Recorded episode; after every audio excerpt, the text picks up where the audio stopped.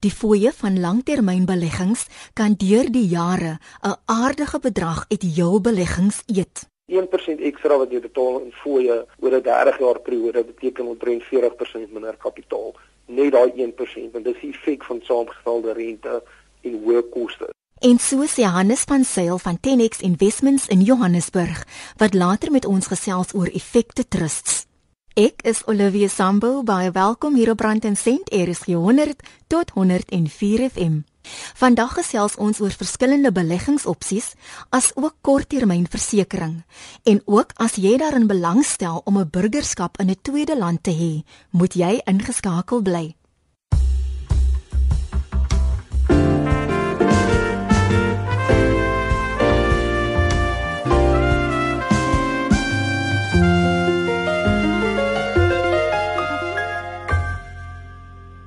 Jacques Sherman, 'n konsultant by Arton Capital in Kaapstad, sê Suid-Afrikaners wil om verskeie redes burgerskap in 'n ander land hê. Hier verduidelik hy presies wat so 'n burgerskap beleggersprogram behels. Daar is 'n verskil tussen 'n burgerskap en verblyfreg. Nou, ons praat meer van burgerskap beleggerprogramme. So ons het te doen met burgerskap wat mense in 'n tweede land um, koop. Burgerskap is eintlik die reg wat owerhede aan individue toeken indien hulle daardie persoon as 'n as 'n burger van daardie land beskou. Verblyfreg is die reg wat aan 'n burger van 'n ander land toegeken word en hom in 'n posisie plaas om daar te bly, maar hy's nie 'n burger van daardie land nie en word ook nie geregtig op 'n paspoort nie. Dis die groot verskil. Onlangs het hierdie burgerskapprogramme heeltemal gewild geraak en daar's verskeie lande wat hierdie programme nou offer. Burgerskap in 'n tweede land hou verskeie voordele in. Jy kan die geleentheid om jouself en jou gesin na 'n tweede alternatiewe jurisdiksie te verhuis om beter geleenthede vir werk, lewenstyl en onderrig te benut. Daar's ook die geleentheid om die voordele van 'n veiliger land wat miskien beter regstelsels en wetstoepassing geniet te benut. Daar kan partykeer ook belastingvoordele wees En natuurlik moet mense ook in gedagte hou dat 'n tweede burgerskap gewoonlik aan 'n persoon die reg gee om 'n ander paspoort te ontvang. En hierdie is 'n baie belangrike oorweging vir meeste Suid-Afrikaners en veral die wat baie reis. Suid-Afrikaners vind dit gewoonlik moeilik om op kort kennisgewing te reis na lande in Europa, die VSA en so aan, omdat hulle amper altyd 'n visum benodig. Nou, ingesluit in hierdie visum aansoeke is is daar gewoonlik probleme soos tyd verwyl, koste en tipies is die hele proses een van frustrasie. As jy kyk na die Suid-Afrikaanse paspoort, kan jy na 84 lande toe reis sonder 'n visum, maar van daardie lande is of nie gewilde bestemmings nie of hulle benodig 'n transit of visum om hulle bestemming te bereik. So as jy die Suid-Afrikaanse paspoort vergelyk met ander lande wat al burgers uh, visumvry laat reis, sit ons saam met lande soos Albanië, Nicaragua, Guinea, Belize en China. En die gevolg is dat Suid-Afrikaners nie internasionale geleenthede kan aangryp nie. En dit is eintlik 'n jammerste want Suid-Afrikaners het baie om die wêreld te offer. Die vereistes mag verskil van land tot land, maar is dit moontlik om te sê wat sou die basiese vereistes wees vir 'n tweede burgerskap? Weereens moet ons 'n verskil maak tussen daardie lande wat burgerskap aanbied waar dit 'n vaste vereiste is dat die aansoeker na die land toe moet verhuis. Uh, die tipe programme bestaan in lande soos Australië en Kanada, die VSA, Engeland, Nieu-Seeland en so voort. Hulle fokus meestal op vaardighede is meer gefokus op op aansoekers se finansiële rykdom. En om hierop uit te brei moet mens verstaan die, die hierdie program is nie goedkoop nie. Die goedkoopste program kos omtrent 1.4 miljoen rand terwyl die duurste 'n uh, paar miljoen euros kos. Maar tipies is daar geen vereiste dat jy na daardie land toe moet verhuis en dan is daar 'n uh, deeglike omsigtigheidsondersoek. Jy moet jou fooie betaal en so aan. Maar die proses is, is eintlik baie simpel. Dit is net 'n kwessie van kan jy dit bekostig of nie. Jacques sê dit is belangrik om te weet dat mense wat aansoek doen vir 'n burgerskap in 'n tweede land nie noodwendig Suid-Afrika wil verlaat nie. Meestal is ons kliënte suksesvolle sakemense en al besighede uh, vriende en familielede is almal hier so in Suid-Afrika, maar hulle wil graag vir hulself uh, en familielede 'n veiligheidsnet skep indien dinge wel in in SA skeefloop. Die grootste vrees van ons kliënte is eintlik die onsekerheid van Suid-Afrika se politieke toekoms en die persepsie dat standaarde van onderwys agteruit gaan. Hulle wil eintlik seker maak dat hul hul kinders aan buitelandse universiteite blootgestel word. Natuurlik 'n groot bekommernis die feit dat jong mense wat goed opgevoed is, nie werksgeleenthede kan benut as gevolg van politieke en ander redes. So 'n oplossing is om seker te maak dat hul kinders buite SA kan studeer en miskien later werk. Dit is eintlik uh, vir hulle meestal baie belangrik. En so sê Jacques Sherman van Aten Capital in Kaapstad. Jy luister na Rand en Sent RSG 100 tot 104 FM. Baie welkom as jy sopas ingeskakel het. Vir meer inligting of kommentaar, stuur 'n SMS na 34024. Elke SMS kos R1. Die program is ook beskikbaar om af te laai by rsg.co.za.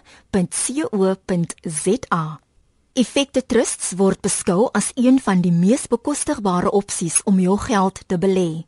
Maar Hannes van Sail waarsku dat beleggers hulle moet vergewis met die fooie wat daarmee gepaard gaan. Die gemiddelde prys vir 'n gewone belegger daar buite is min of meer 2.5% per jaar wat jy betaal 'n platform fooi en 'n produk fooi en baie keer prestasie fooie. In Suid-Afrika ongelukkig daar's ontsettend min deursigtigheid wanneer dit kom by beleggingsfooie dit is ontsettend moeilik om uit te werk presies wat beleggers alles betaal want meeste batebestuurders speel nie oop kaarte as dit kom by presies wat hulle fooie is nie. En ons weet dat 1% ekstra wat jy betaal in fooie oor 'n 30 jaar periode beteken omtrent 40% minder kapitaal. Net daai 1% want dis die effek van saamgestelde rente en hoë kostes. So ons sê ons gee vir jou 'n ordentlike produk. Ons het 'n 8 jaar opbrengsgeskiedenis anderswoorde ons wys ons opbrengs hoe lyk dit oor 8 jaar en dit is eenvoudig om te monitor want jy betaal net een fooi. Dis nie platform fooi en advies fooi en 'n beleggingsbestuur fooi en 'n prestasie fooi as jy sekere maatstaf oorskry nie. Dis een fooi. Ons gee vir die mark 'n gebalanseerde produk en jy kan presies op jou staat sien. Jy weet dit is my balans gewees. Ek betaal een fooi, ek kan dit gaan uitwerk so in persentasie en randterme en jy, jy kan sien dit was my werklike opbrengs gewees. Hannes beskou dit as voordelig dat 'n effekte trust jou toegang tot die geld kan gee sou jy dit nodig het. Tot op hierdie stadium het ons net aftreeprodukte gehad en die probleem met dit is jy kry beleggers wat geld wil belê maar hulle wil toegang hê tot daai kapitaal. So as jy byvoorbeeld in 'n jy het 'n aftreeproduk belê, jy het nie toegang tot daai kapitaal nie tensy jy van werk verander byvoorbeeld. Daar was 'n groot vraag na ons aftreeprodukte maar 'n effekte trust as 'n regsentiteit as mens dit so kan noem sodat mense kan belê in 'n uh, effekte trust maar nog steeds toegang het tot hulle kapitaal sou hulle dit wou likwideer of van beleggings verander. Met enige beleggingsproduk word gewoonlik aangeraai dat jy dit so lank as moontlik moet laat hou of 'n minimum van 5 jaar as jy enige groei wil sien. Is dit ja. dieselfde geval met 'n effekte trust? Dit is presies dieselfde geval met 'n effekte trust, maar dit hang natuurlik van die portefeulje af in 'n effekte trust. So jy kan byvoorbeeld 'n lae aandele gebalanseerde fonds hê in 'n effekte trust as entiteit, maar jy het 'n kort beleggingstermyn. So die punt is die beleggingstermyn en die feit dat jy 'n effekte trust belê is nie noodwendig gewant aan mekaar nie. Dit gaan oor die produk in die effekte trust waarin jy belê. Met ander woorde, daai spesifieke produk in 'n effekte trust as entiteit, daai hoë aandele gebalanseerde fonds is vir beleggers met 'n 5 jaar of langer beleggingstermyn. Want jou beleggingstermyn gaan bepaal wat hoe jou portefeulje moet lyk wat in 'n effekte trust belê is. Hoe bepaal 'n mens watter tipe belegging moet jy maak wanneer jy wel effekte trust inneem? Ja, want dit daar's soveel faktore wat dit gaan beïnvloed. So die punt is jy gaan kyk na jou eerstens wat is jou beleggingsdoelwit en wat is jou beleggingstermyn. So in geval van die Tenix hoë aandele portefeulje, sal dit wees vir mense met 'n lang beleggingstermyn want hoewel die feit dat dit 'n hoë aandele gebalanseerde fonds is, beteken dit is meer volatiel as sê maar 'n lae aandele gebalanseerde fonds want jy het 'n groter allocasie na genoteerde eiendom en genoteerde aandele en buitelandse aandele. So jy het 'n bietjie meer volatiliteit as wat jy 'n effekte trust sal hê wat 'n lae aandele portefeulje is. So ek sal sê spesifiek beleggingstermyn en doelwit. Dis die twee belangrike um, vrae wat beantwoord moet word of voordat jy kan besluit wat die regte produk is om te belê.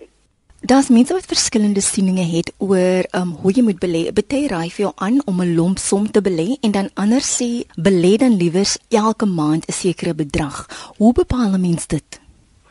Ja, kyk, dit ek bedoel dit uit die aard van die saak is dit goed om oor tyd geld te belê want die mark soos ons weet gaan op en gaan af. So in 'n afmark as mense belê, mense sien baie keer 'n beermark is negatief, maar as jy iemand is wat op 'n maandelikse basis spaar, en jy spaar in 'n beermark, beteken dit jy koop effektief teen 'n laer eenheidskoste in wat portefeulje in. So 'n lompsom weer eens, dis 'n moeilike vraag om te antwoord. As jy 'n lompsom het, dan gaan afhang van wat wil jy bereik met daai geld. Is dit 'n lompsom wat jy wil belê vir jou kind se onderrig oor 10 of 15 jaar of is dit 'n lompsom wat jy wil belê waar jy dalk toegang tot daai kapitaal wil hê in die volgende 12 maande? Want dit gaan bepaal hoe jou portefeulje lyk. Dit was Hannes van Sail van Tenex Investments in Johannesburg. Eiendom is nog altyd beskou as een van die veiligste en mees winsgewende beleggings.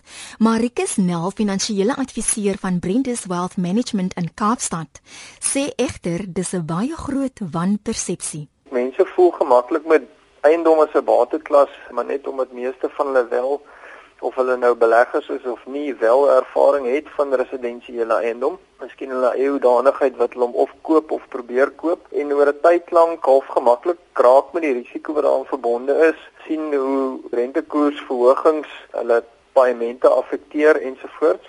Dit is half meer wat mense bietjie meer gemaklik maak met die bate as 'n belegging. Die ander deel is maar eintlik jy weet die onkunde om te weet op 'n spesifieke tyd wat 'n spesifieke eiendom werd is want 'n eiendom word nie op 'n daaglikse of 'n weeklikse of maandelikse wyse geprys nie. So in, in die aanwesigheid van daai inligting kan dit voel asof jou huisprys baie stabiel bly. En dan natuurlik sien net laastens die meeste beleggers wat byvoorbeeld 'n eiendom het, sluk maar moeilik aan die pil om te glo, jy weet dat die eiendom as hy hom nou moet verkoop wel teen 'n afslag of 'n diskonto verkoop moet word. Tydens die eiendomsontploffing voor 2008 het mense eiendomme gekoop, opgeknap en teen 'n wins verkoop. Maar is dit nog steeds winsgewend om dit nou te doen? Ek dink dit betaal definitief. Ek dink dit is definitief moeiliker as in die verlede. Mense moet meer selektief eh, bates bekom net soos wat jy maar dieselfde met finansiële instrumente uh, doen op die markte. Wanneer opbrengs skaars is en waar mense in 'n lae opbrengsomgewing in in beweeg, beteken dit jou suksese moet eenvoudig groter wees om, om moontlik vir dieselfde monetêre waarde te gee. So 'n mens gaan baie meer selektief en miskien selfs 'n bietjie meer wetenskaplik moet voortgaan en gebruik maak van kundigheid. Ek dink die aantreklikheid van primêre of residensiële eiendom is byvoorbeeld dat jy wel die belegging of die bate kan bekom deur middel van finansiering. Dis natuurlik nie moontlik as 'n mens byvoorbeeld finansiële instrumente gaan koop nie net dat jy eintlik in 'n posisie sit waar jy kan bates bekom wat jy eintlik voor die tyd nie sou kon gehad het nie en groei op hierdie bates kan bekom. Ons as finansiële adviseurs glo daar steeds 'n plek vir eiendom en eiendombelegging. My eie aanslag rondom dit, ek dink as 'n mens gaan kyk na die opbrengste oor die laaste paar jaar en sedert die finansiële krisis in reële terme, gaan jy sien dat beleggers eintlik geen geld gemaak in eiendom nie en as 'n ou gaan in gedagte hou dat die rand enorm hoeveelheid waarde afgeskryf het teen buitelandse se geldeenhede dan beteken dit Suid-Afrikaners met residensiële eiendom wat hulle uitverhuur of hou het baie armer geraak as 4 jaar 5 jaar gelede. So ek sal sê dit gaan kritiek belangrik wees dat of die bate wat jy bekom in eiendom of dit iets is wat aantreklik gaan wees vir 'n buitelander. En as dit nie die geval is, is die kans nogal groot dat jy in internasionale koopkragwaarde gaan agteruit boer. Ek wou ook weet hoe winsgewend is dit om eiendom te koop en dan uit te verhuur? Dit wissel van elke eiendom. Ek gaan dit so antwoord. Ek dink daar's 'n uh, minder uh, beleggers wat die som reg akkuraat kan maak. Dit het 'n verskeidenheid van fasette van dit is koste aspekte, van dit is depresiasie aspekte, van dit is wisselkoers aspekte van dit is belastings of dit nou oordragskoste is, daar's agentekommissie.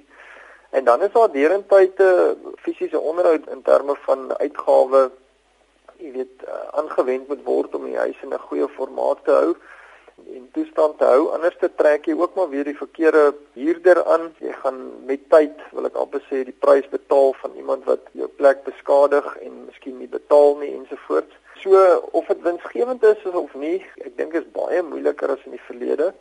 Ons sien baie van ons uh, kliënte wat markbeleggings het wat ook eiendom gekoop het en verhuur het en die die konstante storie wat wat terugkom is maar net dit raak moeiliker. Uh, die kostes gaan op jou jou eiendomsbelastings gaan op en dan as jy met 'n huurder uh in die verkeerde pad afgaan en die huurder nie betaal nie, is dit 'n baie baie moeilike proses en duursame proses om van die huurder ontslae te raak. So dit is 'n baie moeiliker bateklas um as kom ons sê 10, 15 jaar gelede waarmee baie Suid-Afrikaners baie geld gemaak het. Volgens Rikus is genoteerde eiendom die bateklas wat die beste presteer het die afgelope 10 jaar. Tot dusver van jaar is die opbrengs tussen 15 en 22%. Rikus verduidelik hoe jy 'n eiendom kan belê op die aandelemark. Genoteerde eiendomsfonds is letterlik maar 'n kollektiewe beleggingsskema en en effekte trust soos wat uh, meeste jy weet beleggers al ken teen die tyd. En en steede daarvan waar 'n uh, gewone effekte trust net in aandele byvoorbeeld kan belê en daar spesifieke effekte trust fondse wat spesialiseer in die eiendomssegment van ons indeks en byvoorbeeld 'n uh, Growth Point aandeel koop en hy koop 'n Redefine en ander uh, eiendomsmaatskappy aandele. En die aandele se gedrag is dan grootliks gekoppel in wat ons sien in die eiendomsmark en wat in die eiendomssektor gebeur. Jy weet as rentekoerse opgaan, dan reageer die indeks op 'n spesifieke wyse. Daar's natuurlik 'n verskeidenheid van eiendomsklasse binne daai fondse waarvan residensiële eiendom moontlik die kleinste is.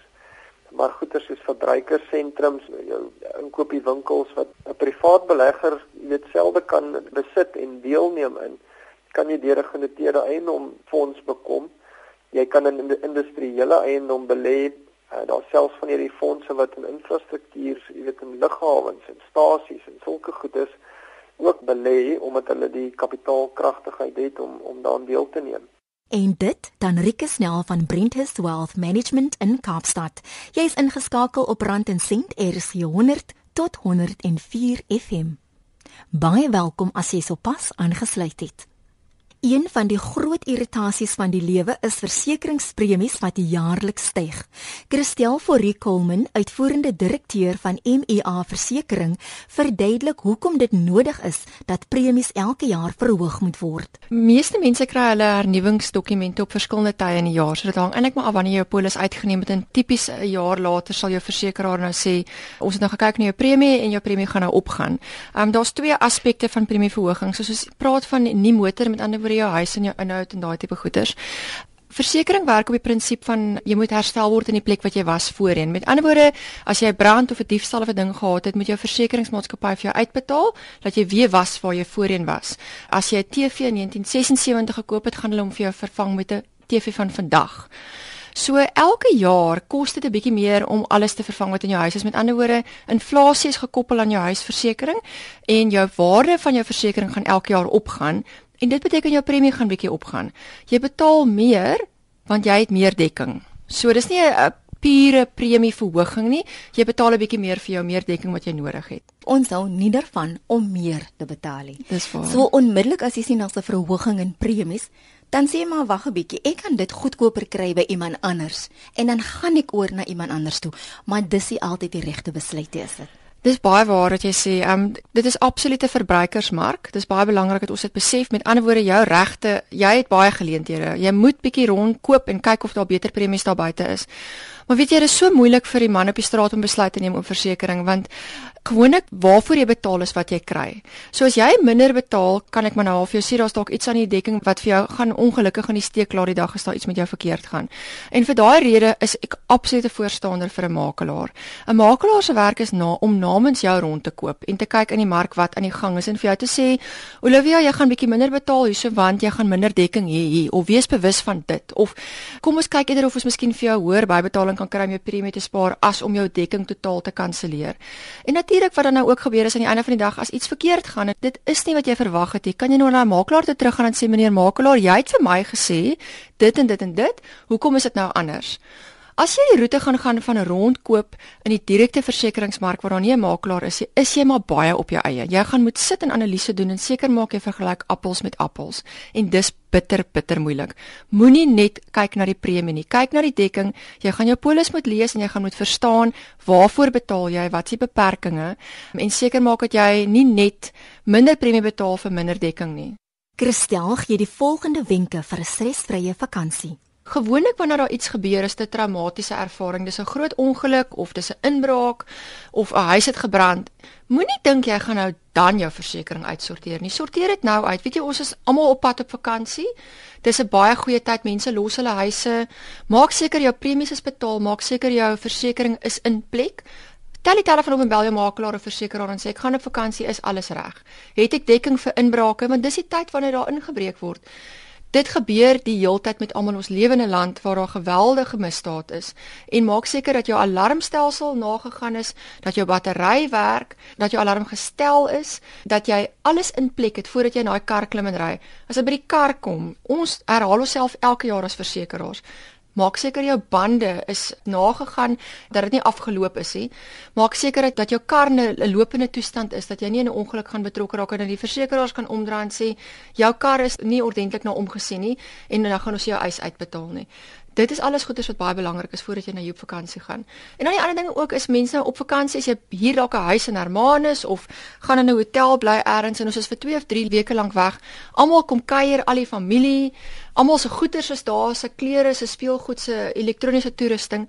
Wat is daar in daai vakansiehuis ingebreek word? Het jy versekerings as jy daar is? Die mense by wie jy hier sal hulle versekerings jou dek of moet jy jou eie versekerings reël? Moet jou vir persoonlike alle risikoversekering so voldoende wees? Het jy al gesien hoe lyk die karre wat oor die berg hier trek om op te gaan teen die kus.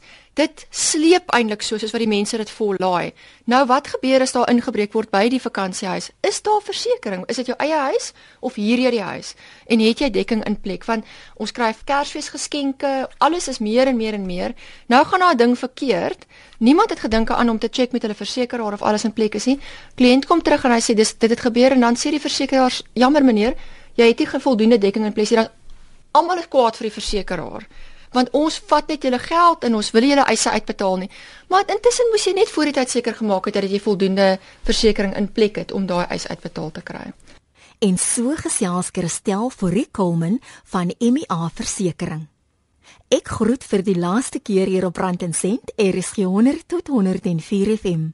Baie dankie aan elke luisteraar wat ingeskakel het. Skakel gerus volgende week om 5uur in om te luister na die baie veelsidige en energieke veteraan Susan Stein. Totsiens van my, Olivia Sambul.